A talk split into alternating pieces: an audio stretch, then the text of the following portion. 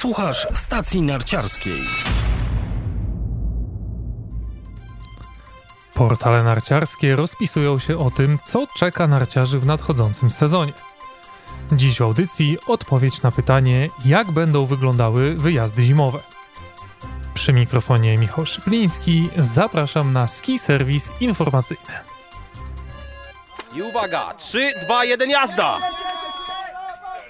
Jeśli chcesz szybko poznać odpowiedź na tytułowe pytanie, to brzmi ona: Nie wiem. Nikt nie wie.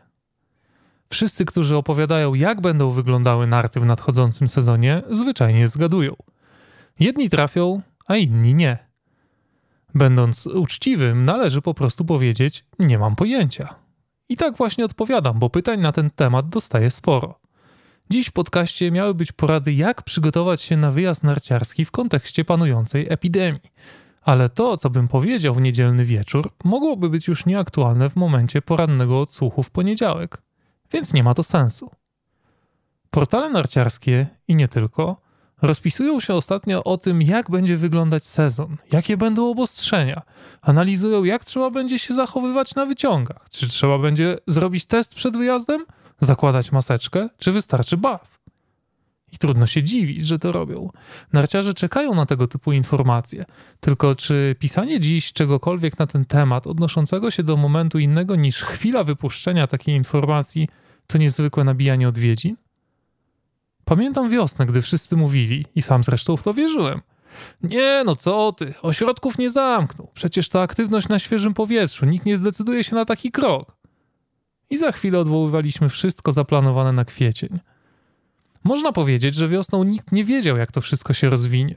A teraz każdy już wyrobił sobie zdanie. Jeden wierzy w pandemię, drugi nie. Ktoś się boi wirusa, ktoś inny żyje, jakby go nie było.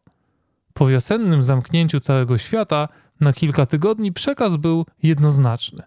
Drugiego lockdownu nie będzie, bo nikt tego nie wytrzyma. I co? I nic. Czechy zamknięte, Irlandia zamknięta, a u nas zamknięte szkoły i część gospodarki.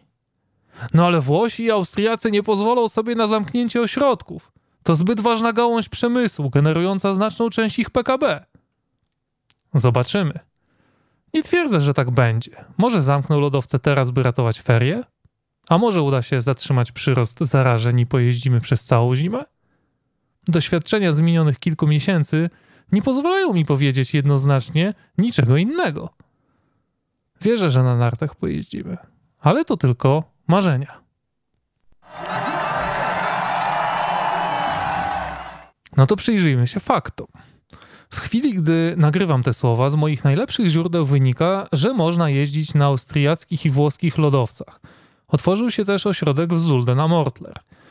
Jednak e, władze południowego Tyrolu zastanawiają się nad strategią w związku z gwałtownym przyrostem zakażeń we Włoszech.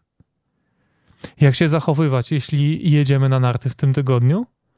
Należy bezwzględnie przestrzegać zaleceń sanitarnych w poszczególnych ośrodkach, które sprowadzają się przede wszystkim do zasłaniania ust i nosa w wyznaczonych miejscach, np. kolejkach, wyciągach czy zamkniętych pomieszczeniach. Za złamanie tego wymogu grożą mandaty lub utrata skipasu. Jeśli chodzi o dojazd, to na granicach panuje spokój. Bez większych problemów można dostać się do Austrii i Włoch, co jak już wspomniałem, w każdej chwili może się zmienić. Postaram się co tydzień przekazywać Wam aktualne informacje na temat panujących obostrzeń w mojej audycji.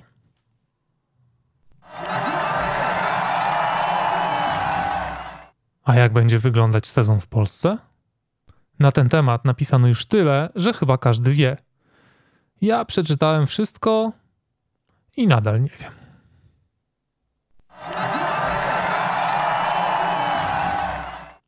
I dziś to wszystko w tym nieco gorzkim ski serwisie informacyjnym. Przypominam, żeby kliknąć przycisk Obserwuj stację narciarską w Spotify, Apple Podcasts lub Google Podcasts. Zapraszam za tydzień na kolejną porcję narciarskich wiadomości. Do usłyszenia.